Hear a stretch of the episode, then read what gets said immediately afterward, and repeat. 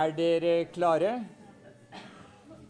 for siste etappe i et krasjkurs i kristen etikk?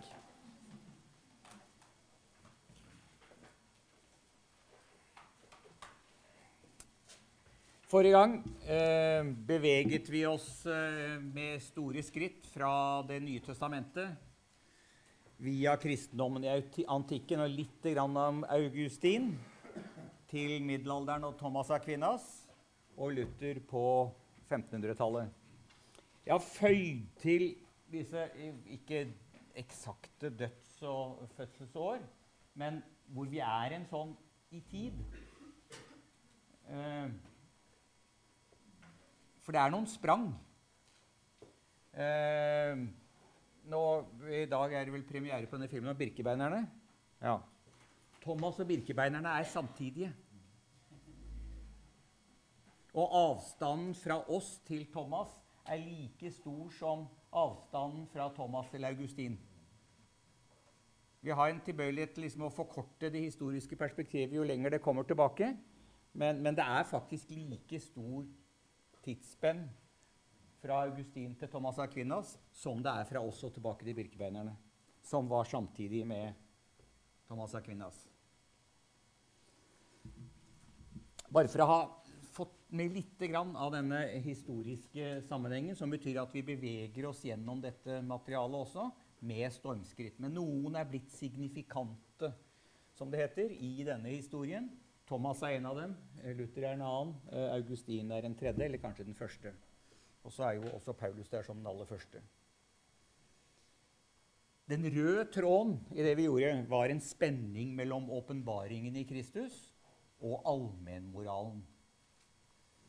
Og eh, åpenbaringen det er da den grensesprengende, radikale nestekjærligheten den grensesprengende og radikale ydmykheten. Er de to prinsippene vi har holdt et fokus på i, i kristen etikk, slik vi finner i den første kristne tid.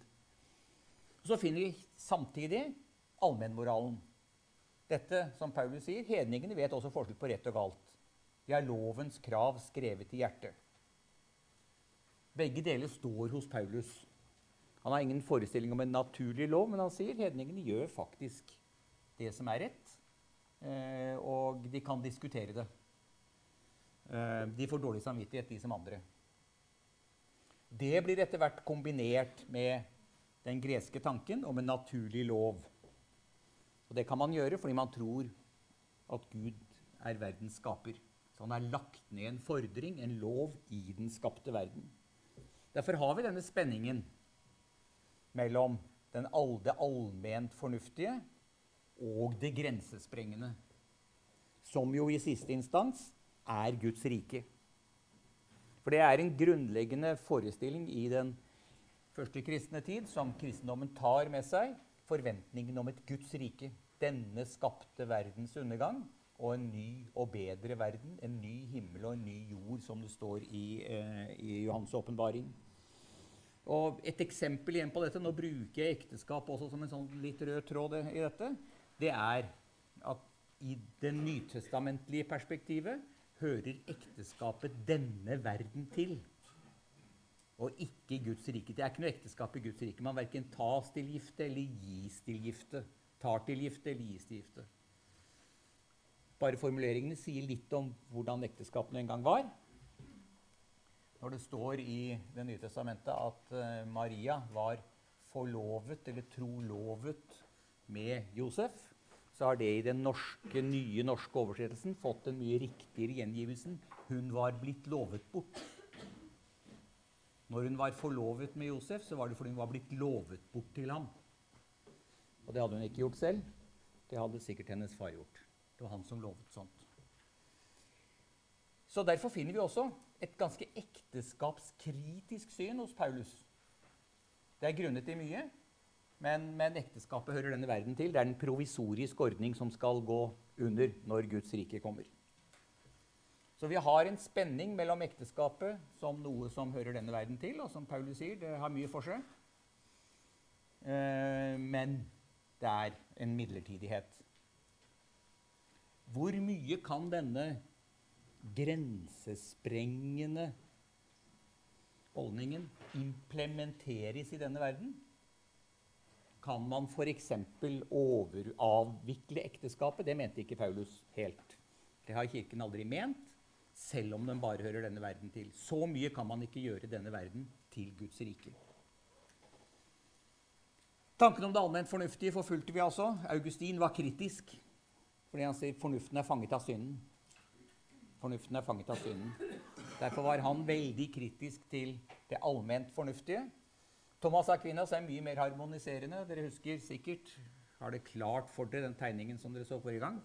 Der det sittet og tegnet med bind for øynene hver kveld, slik at dere kan den. Eh, mye mer harmonerende. Fornuften, troen, supplerer fornuften for en overbygning. Eh, fullstendig gjør den.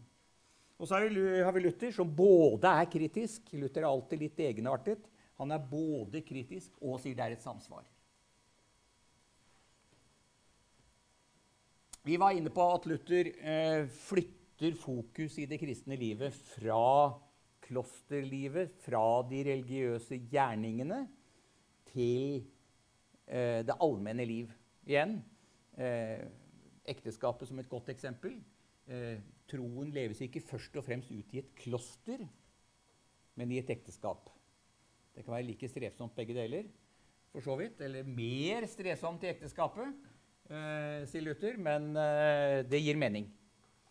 Det gir mening, for der blir livet gitt videre. Men eh, det betyr jo altså at det religiøse liv får et helt annet karakter.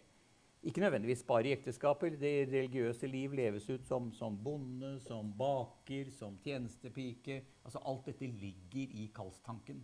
Det er helt profane, alminnelige gjerninger som, som er uttrykk for det kristne liv.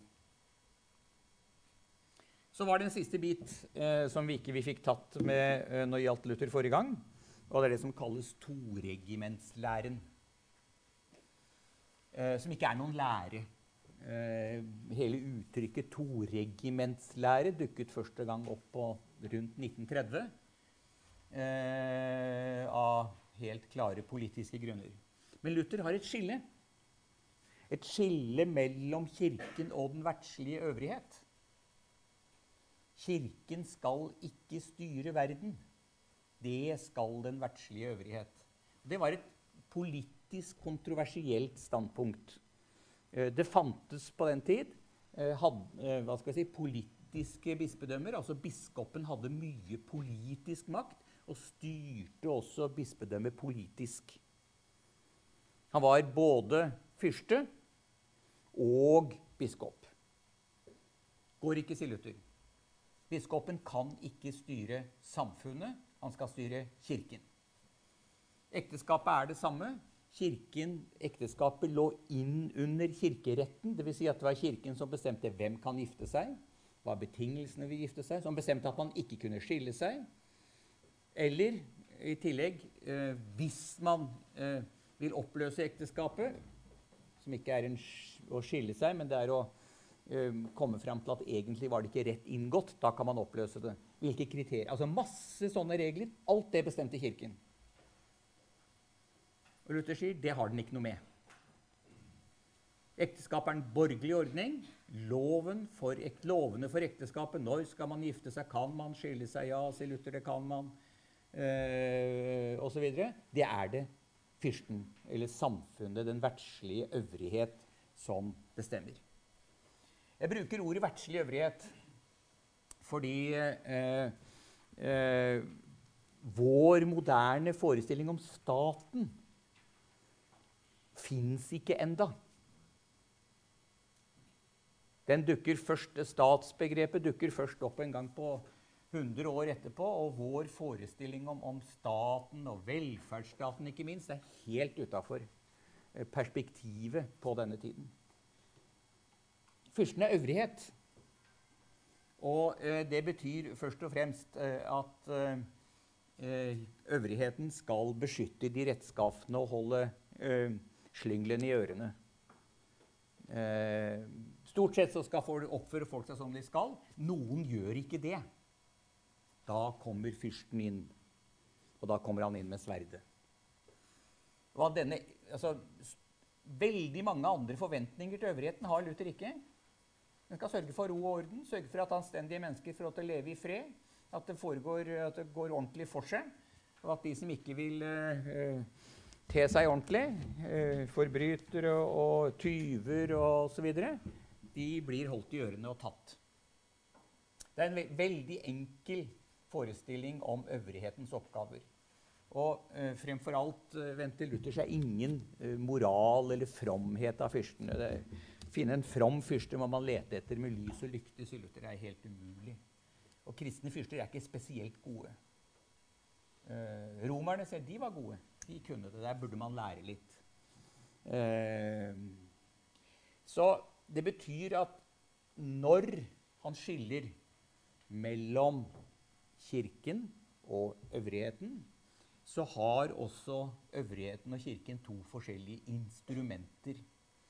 Og fordi øvrigheten skal stort sett uh, holde ro og orden, så er øvrighetens instrument sverdet, for å si det helt enkelt, mens Kirkens er ordet. Og Kirken kan ikke bruke sverdet. Det blir en konsekvens av dette. Kirken har ingen mulighet for å bruke sverdet. Den kan bare bruke ordet. Eh, bak dette og, og, det betyr jeg skal komme tilbake til, men la meg si det en gang med en gang, religiøst begrunnet vold er ikke mulig. Fordi Kirken har ingen mulighet for å bruke sverdet.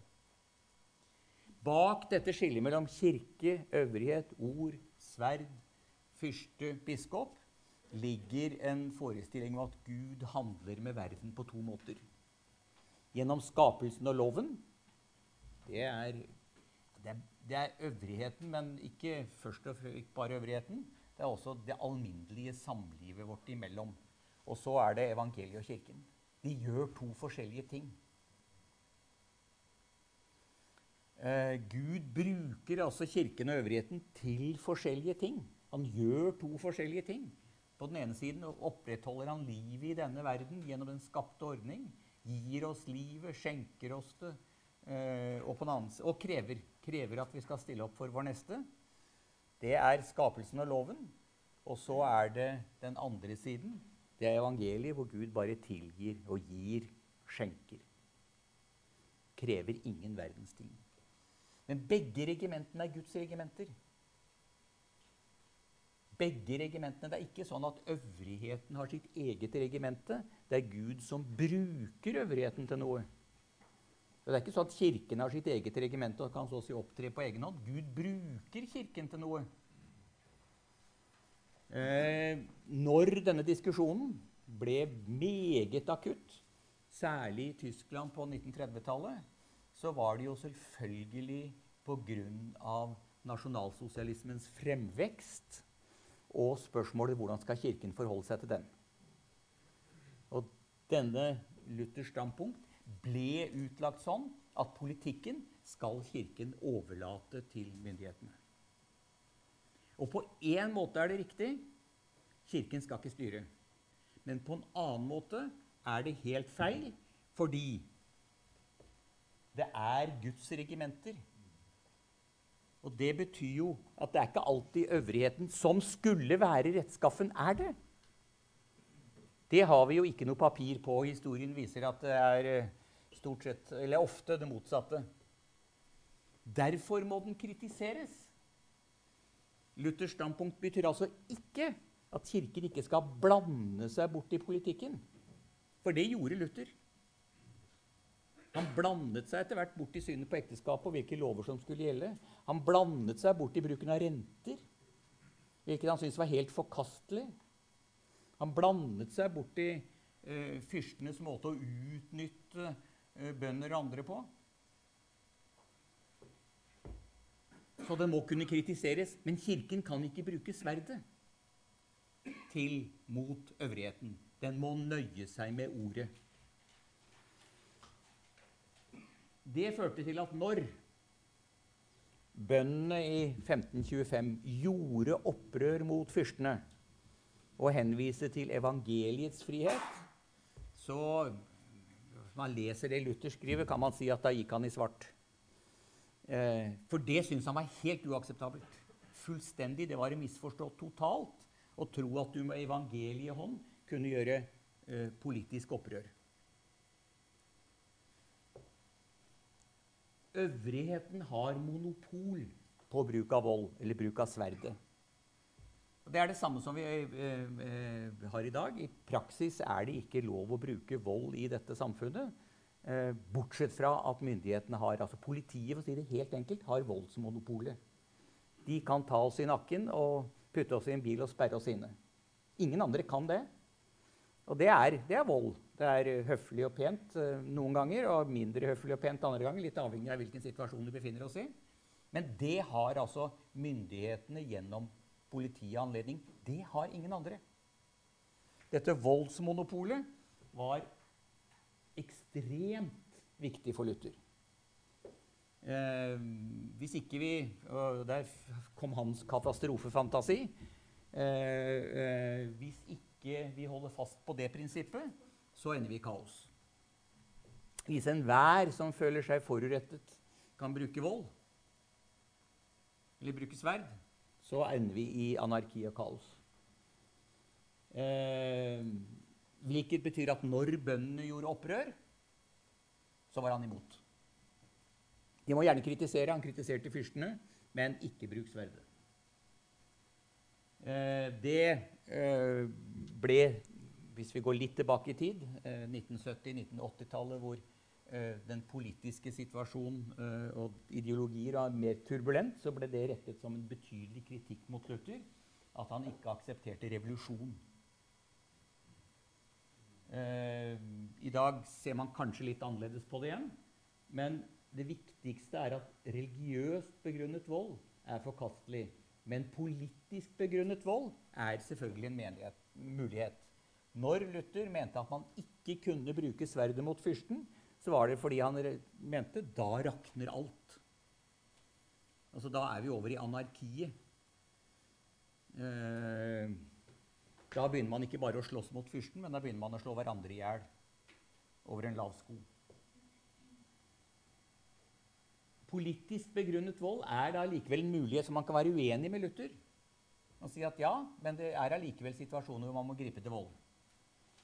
Og eh, Luther mente også det eh, noen ganger. At det fins noen eh, noen mennesker som faktisk er unntaksmennesker, og som kanskje kan være i en situasjon at de, de mener med god grunn at det er rimelig å gripe til vold. Vi hadde en, en interessant liten eh, passasje rundt dette eh, under 30-tallet og under annen verdenskrig, hvor den tyske teologen Dietrich Bonhoeffer, som var pasifist, som var pasifist, men som var meget engasjert i motstanden mot Hitler og som til slutt ble fengslet for det og henrettet. Som strevde med dette problemet fordi han var pasifist og mente at han skulle ikke bruke vold. Men kom til slutt frem til at det måtte være rimelig å drepe Hitler. Altså attentatet mot Hitler i 1942 44. Han ble fengslet før, men eh, det var da attentatet kom. At, ja. Eh, det, det, godkjente han. Det må være riktig. Fyrstedrapet, for å si det sånn, for å gå tilbake til Luther. Det lykkes ikke, og det ble avklaret som, av Bonhoeffer som det allerede satt i fengsel. At, at, han var involvert, og det var noe av det siste eh, Hitler-regimet gjorde før de ga opp, var å eh, henge Bonhoeffer og, og, noen andre. Men det interessante her er at begrunnelsen til Bonhoeffer er politisk. Den er ikke religiøs, den er ikke teologisk. Eh, den er rent politisk. Av politiske grunner må det være mulig å bruke sverd mot fyrsten, for å si det helt enkelt. Eller svare på vold med vold. Det endrer i og for seg ikke noe ved toregimentslæren, for den holdt Bonhoeffer også fast på. Kirken skal ikke styre verden. Det fins ikke religiøst begrunnet vold. Det fins ingen hellig krig. Men det finnes muligheter for krig. Men de er politiske. Og så kan vi drøfte politikken. Eh, selvfølgelig. Når er det mulig? Når er det rimelig? Er det mulig og rimelig nå? Av fornuftige grunner. var det det i går. En toregimentslæren har altså denne funksjonen at den skal skille mellom politisk og eh, eh, religiøs myndighet. Men den betyr ikke at ikke myndighetene skal kunne kritiseres og i ekstreme tilfeller også føre til sivil ulydighet og eh, eh, i siste instans bruk av vold.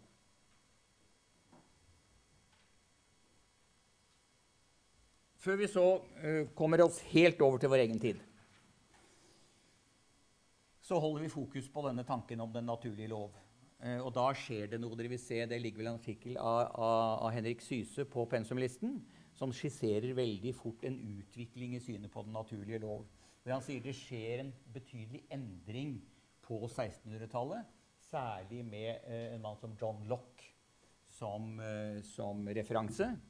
Og det er at tanken om den naturlige lov blir basis for allmenne individuelle rettigheter.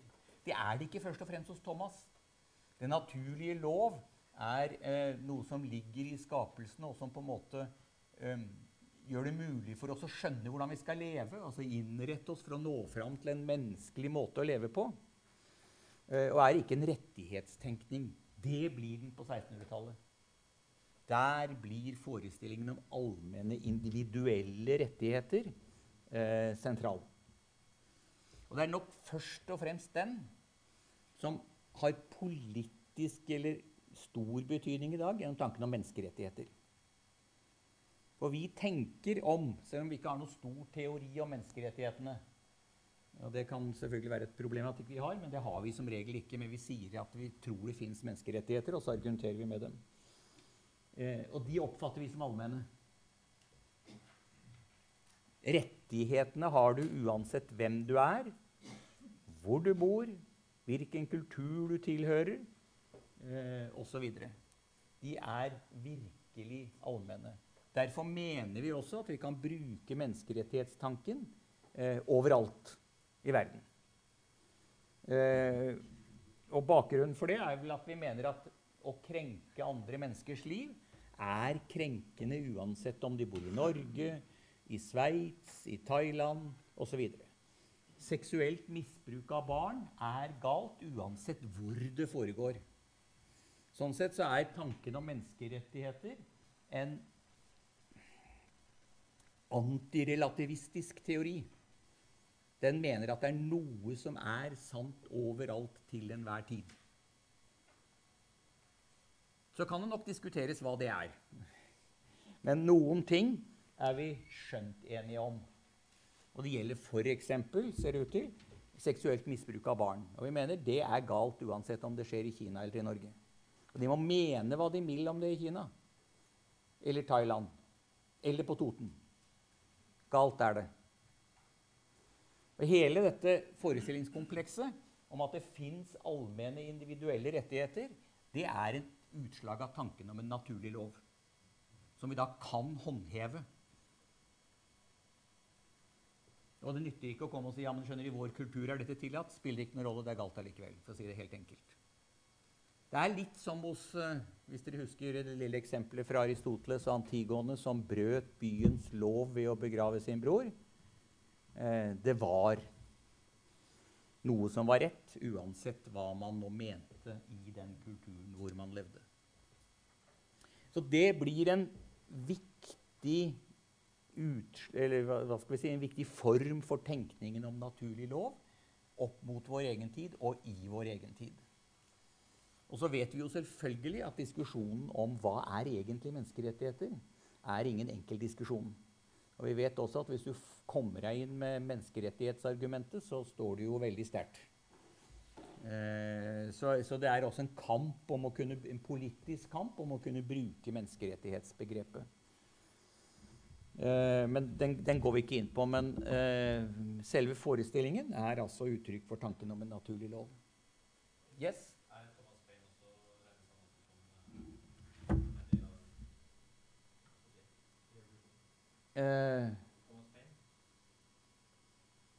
Det kan jeg ikke svare på.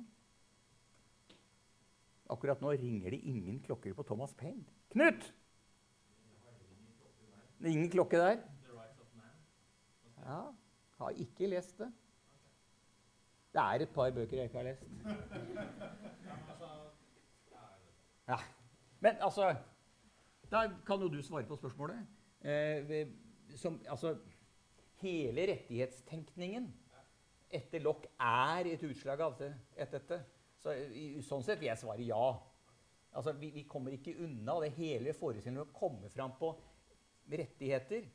Det, at, altså, det som er interessant, er at Lock tar på en måte utgangspunkt i altså, Den private eiendomsretten blir på en måte en, en viktig sak hos Lock Eh, med utgangspunkt i at du eier deg selv og din egen kropp. Og så, så, utvikles det videre. Så kan man se hvor langt man drar det. Men den private eiendomsrett eh, spiller en avgjørende rolle hos, hos Lock med utgangspunkt i retten til å eie deg selv. Eh, den dukker også opp i dag i, i, i den der, eh, at jeg har lov til på en måte å leve mitt liv. Sånn som jeg, altså, skjønner? Jeg eier livet mitt. Eh, eh, hvor, eh, hvem er du som har lov til å herse med meg? Jeg eier mitt liv. problemet med den tenkningen er selvfølgelig at den blir ensidig individualistisk. Fordi hva gjør jeg så med livet mitt? For jeg lever det aldri alene. Det er alltid delt med noen.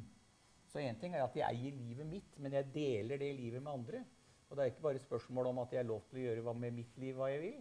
Jeg har ikke nødvendigvis lov til å gjøre med andres liv hva jeg vil.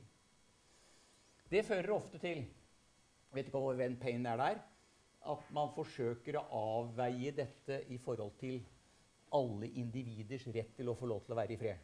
Skjønner? Men, men uh, sånn fungerer ikke et sosialt samfunn. Det skal vi komme litt tilbake til. Så å bygge opp hele det politiske ved hjelp av eh, lokk og individuelle friheter, hvor eh, tanken blir på en måte mest mulig la folk få være i fred, eh, fører ikke helt eh, til mål i et sosialt samfunn.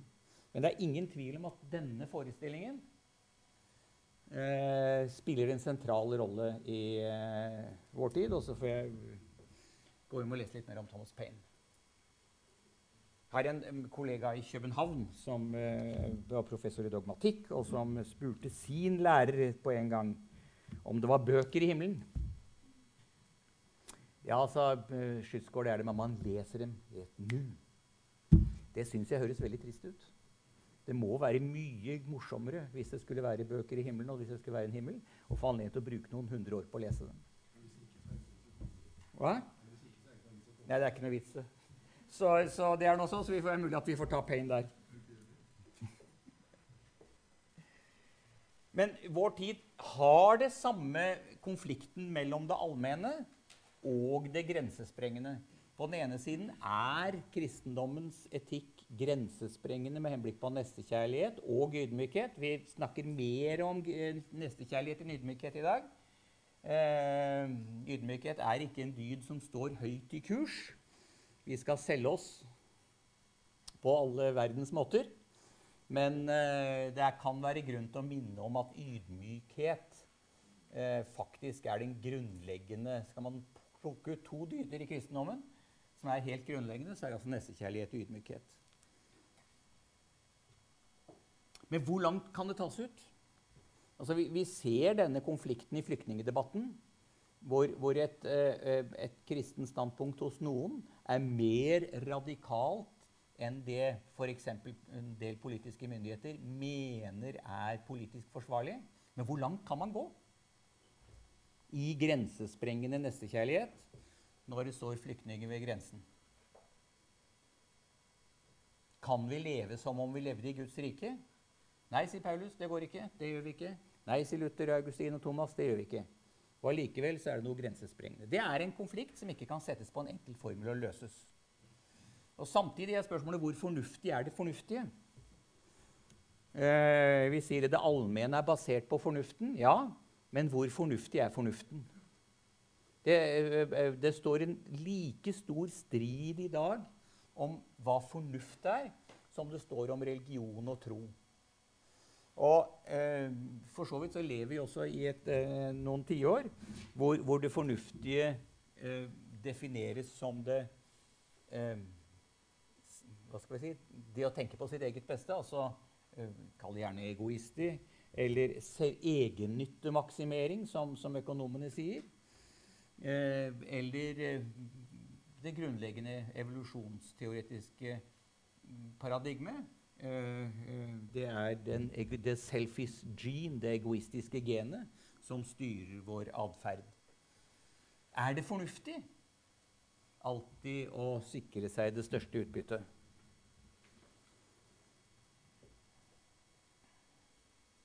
Det er en uh, diskusjon. Er det fornuftig å gi avkall på noe av sitt eget for å hjelpe andre? Det er godt, det behøver vi ikke diskutere.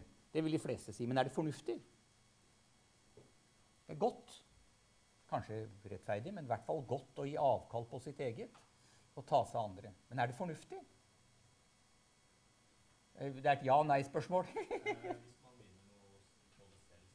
ja, da er det fornuftig. Og da er du fortsatt selvopptatt. Men selv om ikke du vinner på det var, Jeg nevnte vår venn eh, Maximilian Kolbe forrige gang, han som gikk en, i døden for en annen. Han tjente ikke på det selv. Det må vi jo kunne være enige om. Var det fornuftig, eller var det bare godt? Nei, det var ikke fornuftig. Nei. Jeg mener han var fornuftig. men, men, det er et motstandpunkt inn i en sånn sammenheng. Ja. Eh, nei. Fornuftig.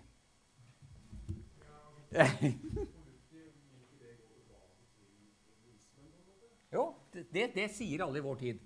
Det er den, den gamle lutherske læren at mennesket er bare syndig. Eh, jeg, jeg, vil fastholde at det er andre former for fornuft. Ja?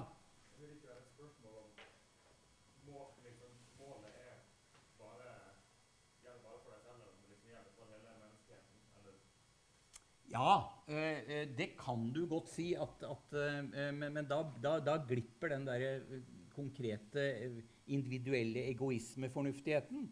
Fordi da sier jeg jeg gir avkall på mitt eget fordi det er til fordel for hele menneskeheten. Hvis jeg føyer til og det er til fordel meg, for meg, at det går bra med menneskeheten, så er jeg tilbake igjen til selvopptattheten. ikke sant? Eller det er bare min interesse som teller for meg. Men hvis jeg sier at Eller spør Jeg kan godt tenke meg å si det er fornuftig å gi avkall på sitt eget av hensyn til andre uten at jeg har noen nytte av det selv. Ja, Så kan vi si det er godt, men er det fornuftig? Og hvis vi sier at det ikke er fornuftig, men godt, så sier jeg da har vi et anorektisk fornuftsbegrep. Det er så magert. Det er så tynt. Og det eneste som vi synes er fornuftig i denne verden, er å mele vår egen kake. Det er en skrøpelig fornuft. Ja?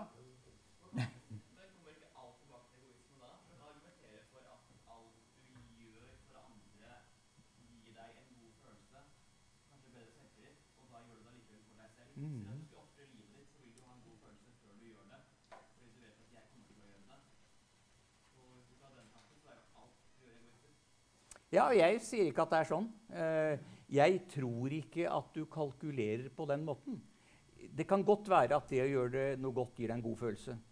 Eh, men spørsmålet er gjør du det fordi det gir deg en god følelse, eller kommer kommer det som en spin-off etterpå? Jeg, jeg, kommer litt tilbake til dette i neste time. Men jeg tror også at hvis du gjør det for å få en god følelse, så får du ingen god følelse. Det er det snurrige. Så du er faktisk nødt til å glemme selvopptattheten i det du gjør, for at du skal få en god følelse av det du gjør tale litt til fordel for mitt argument eller mitt standpunkt. Ja?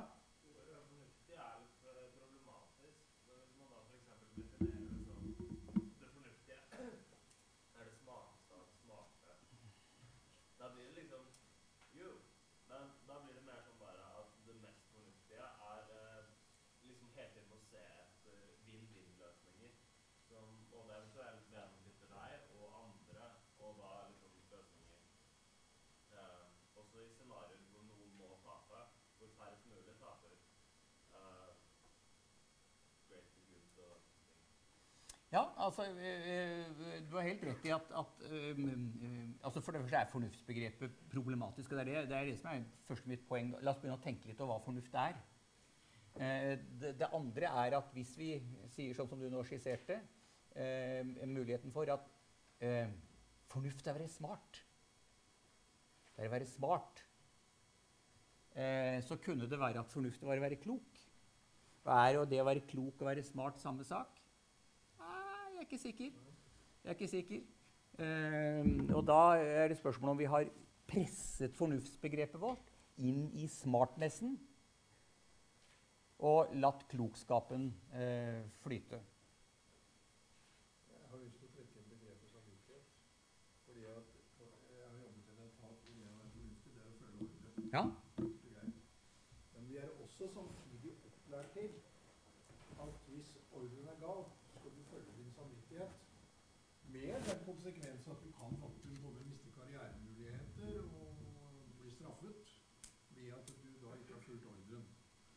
Og jeg heller til det at man alltid i en fornuftsrelasjon også må lukte litt, grann, eller kjenne litt på samvittighet. Og så kan man jo selvfølgelig diskutere hvor kommer samvittighet eh, inn. For det er klart at det er en lang, lang eh, dannelsesprosess og hva man måtte essensiell tenkning osv. osv.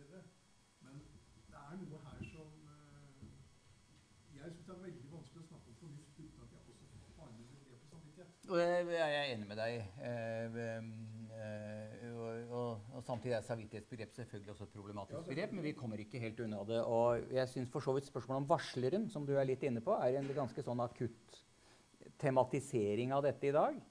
Fordi varsleren vil som regel måtte bære en del omkostninger. Vi vil helst ikke, men vi kommer ikke utenom at varsleren eh, må bære noen omkostninger. Og som regel vil varsleren ikke tjene på det. Og Likevel syns vi jo at det er fornuftig å varsle, syns vi ikke? Så der ryker litt det der egennyttemaksimeringsbegrepet. Vi må litt videre, for jeg skal si noe om dette med en annen innfallsvinkel, eller med litt mer materiale. Hadde eh, Ja. Ja? Ja?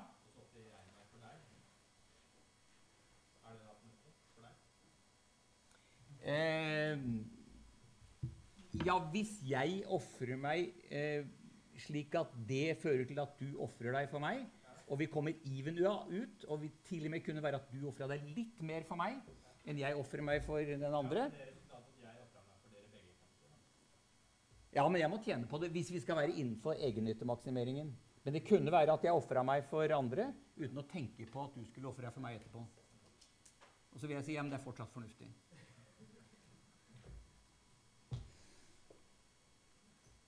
Mye av dette stoffet eh, eh, er eh, snudd og vendt på av eh, en av Vi må fortsatt si at Løgtrup er en samtidig. Eh, dansk teolog, filosof, eh, eh, som virket først og fremst i Århus, hvor han var professor. Og som har fått en, vært en, en betydelig innflytelse langt utenfor både teologer og filosofers eh, eh, rekker. Eh, senest eh, i fjor kom det en, en, eh, eh, doktoravhandling i Bergen om den norske dikteren Olav Duun, hvor Løgstrup ble brukt. Og hans såkalte fenomenologi. Fordi dette fenomenologiske Vi kan ikke gå i dybden på hva det er, men, men er et utgangspunkt for han. Og det betyr at eh, som fenomenolog er han opptatt av den førvitenskapelige tilgang til verden. Altså det vi vet om, verden, nei, om livet ved å leve det. Vi vet en masse om livet fordi det er utforsket og uh, satt på vitenskapelige formler. Men, men vi vet mye mer om livet ved at vi faktisk lever det. La oss kalle det livserfaring kontra vitenskapelig erfaring. Vi vet noe om livet før vi begynner å utforske det. Og alltid er utforskningen i vitenskapelig sammenheng en reduksjon av det vi vet av livet som eh, livserfaring. Derfor kan vi også forske vitenskapelig på det. Men for Løkserup er livserfaringen en nøkkel til å forstå det etiske. Så er det et annet eh, Hvis vi nå begynner å se på vår livserfaring, så oppdager vi at vi alltid er involvert. Vi er alltid kastet inn i relasjoner. Vi er alltid engasjert. Vi står ikke utenfor og betrakter livet som om ikke det angår oss, eller som ikke vi er en del av det. Vi er alltid innviklet i det, involvert i det, infiltrert. Eh, eh, det er det jeg sa første timen. Moralen kommer før etikken. Vi er involvert i moralske prosjekter med andre mennesker før vi begynner å tenke over det som et moralsk prosjekt. Det betyr at etikk er forankret i livsvilkårene våre. Og Løkstrup kaller det for ontologisk etikk. Den er forankret i livsvilkårene. Så vi må se på livsvilkårene for å få tak i det etiske. Og ser vi på livsvilkårene, så møter vi en etisk fordring, sier Løkstrup. Denne fordringen, som han eh, brettet ut i en bok i 1956, som også heter 'En etiske fordring', er basert på fenomenet i utgangspunktet eh, tillit. Eh, og I en sammenheng så, så, bruker han en sånn reise med toget som et eksempel på det. Du, det kan vi jo parafrasere videre. Forflytte den til Norge. Det er lengre togtur, i Norge enn i Danmark. Eh, så vi får litt mer tid. Jeg tar toget til Bergen. Det går etter hvert fort, og det hender at det går. Og så kommer jeg ved siden av en fyr. Han er i Forsvaret. Forteller han. Vi begynner å prate. Vi, sitter, vi skal sitte her i seks timer eller noe sånt ved siden av hverandre, så vi begynner å prate litt sammen og fortelle hvem vi er. Og han sier at han er en eh, pensjonert eh, oberst fra Forsvaret. Han skal til Bergen og, og, besøke sin datter, som bor der. Og det høres tilforlatelig og greit ut. Og jeg tviler jo ikke et øyeblikk på at det han sier, er sant. Det tar jeg for god fisk. Det regner jeg med. Det er når han begynner å fortelle om, liksom, om bragdene sine under krigen. Hvordan han sprengte Oslo rådhus. Og jeg tenker den ble ikke sprengt under krigen. Her må det være noe feil. Det er først da jeg begynner å tvile Jeg tenker det kan ikke være sant. Kanskje er han ikke noe pensjonert oberst, og kanskje har han ikke noe datter i Bergen. Men i utgangspunktet tror jeg ikke at folk ljuger. Eller at folk sitter og dikter eller skal føre meg bak lyset. Det er først når det skjer noe av den karakter, åpenbare urimeligheter Det er jo heller ikke sånn uh, at uh, når jeg går inn på en kafé eller en restaurant, så tror jeg at alle her er lommetyver. Men hvis det står et oppslag 'Please be aware. Pickpockets operate in this area.' Da kjenner jeg litt etter på rommene, lommene. ikke sant? Men i utgangspunktet tror jeg jo ikke at alle jeg møter, er lommetyver. Jeg tror ikke at alle forsøker å lure meg eller bedra meg eller føre meg bak lyset. Hadde jeg trodd det, så ville jeg eh, altså hvis jeg ikke bare tror at noen lyver noen ganger, eller at noen stjeler noen ganger, men alle lyver til enhver tid om alt. Da hadde jeg blitt tatt pent hånd om og plassert på statens bekostning på et dertil egnet sted. For da ville jeg vært helt uten evne til sosial omgang med andre mennesker.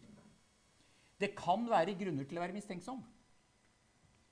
Men det går ikke an å være total eh, skeptiker, for å si det sånn.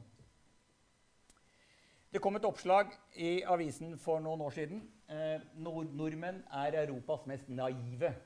De er mest tillitsfulle eller naive folkeferd, viser europeiske undersøkelser. Fire av fem nordmenn sier de stoler på folk flest.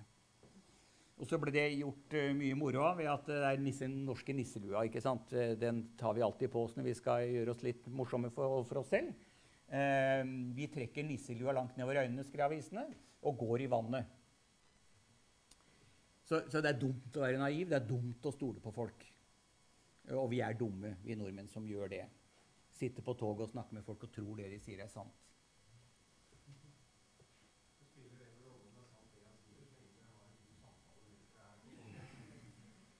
Det kunne være at det sto noe på spill i den samtalen. Og det gjør det jo her. Fordi denne, eh, dette oppslaget ble etterfulgt av en, en ganske omfattende statistikk av hvordan eh, altså, av naive, nøytrale og skeptiske stoler på folk flest. Og Der ser dere at Norge ligger øverst. Og Danmark like under. Og Finland og Sverige og Nederland. Så det er jo noe med det, de landene vi lever i. Og hvis vi går nederst på listen, så finner vi altså Bulgaria, Polen og Russland. Og så er spørsmålet er det hvor ønsker vi å leve hen? Syns vi at Bulgaria var det landet vi drømte om å få lov til å leve i? Eller er det noe ved det norske sosiale samfunnet Det betyr at det er noe som står på spill i denne tilliten. Når vi eh, eh, stoler på folk flest, så er det fordi vi helt elementært har en kultur hvor det er naturlig og grunn til å gjøre det. det ikke, dette samfunnet er ikke godt i oppløsning. Hvis vi ikke kan stole på noen, Da kommer vi ned på lista, men da er også dette samfunnet i oppløsning.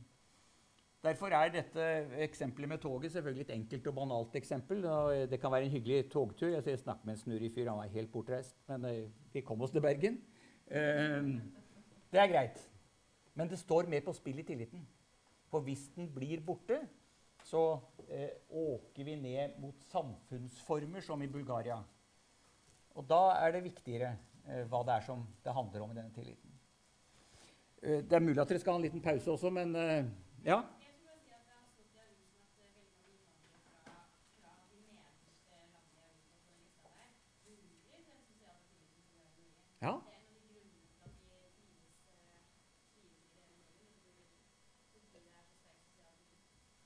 Det er, en, det er et annet samfunn. Eh, og så kan vi spørre, og det er jo det som diskusjonen går i dag eh, En del kommer fra kulturer hvor de ikke mener at de har noen grunn til å stole på dette samfunnet. Og Drar de med seg en mistillit, eller må de lære seg at det er grunn til mistillit? Altså det, det, er, det er jo hele den diskusjonen vi har, som, som dukker opp ved kultursammenstøtene. Nettopp fordi man kommer fra land hvor, man, hvor ikke samfunnet er den store enheten, men i familien. Jeg stoler på slektningene mine. Kanskje. Kanskje. Bak der også? Ja. ja. Ålreit, da får dere elleve minutter. Så begynner vi en kvart over.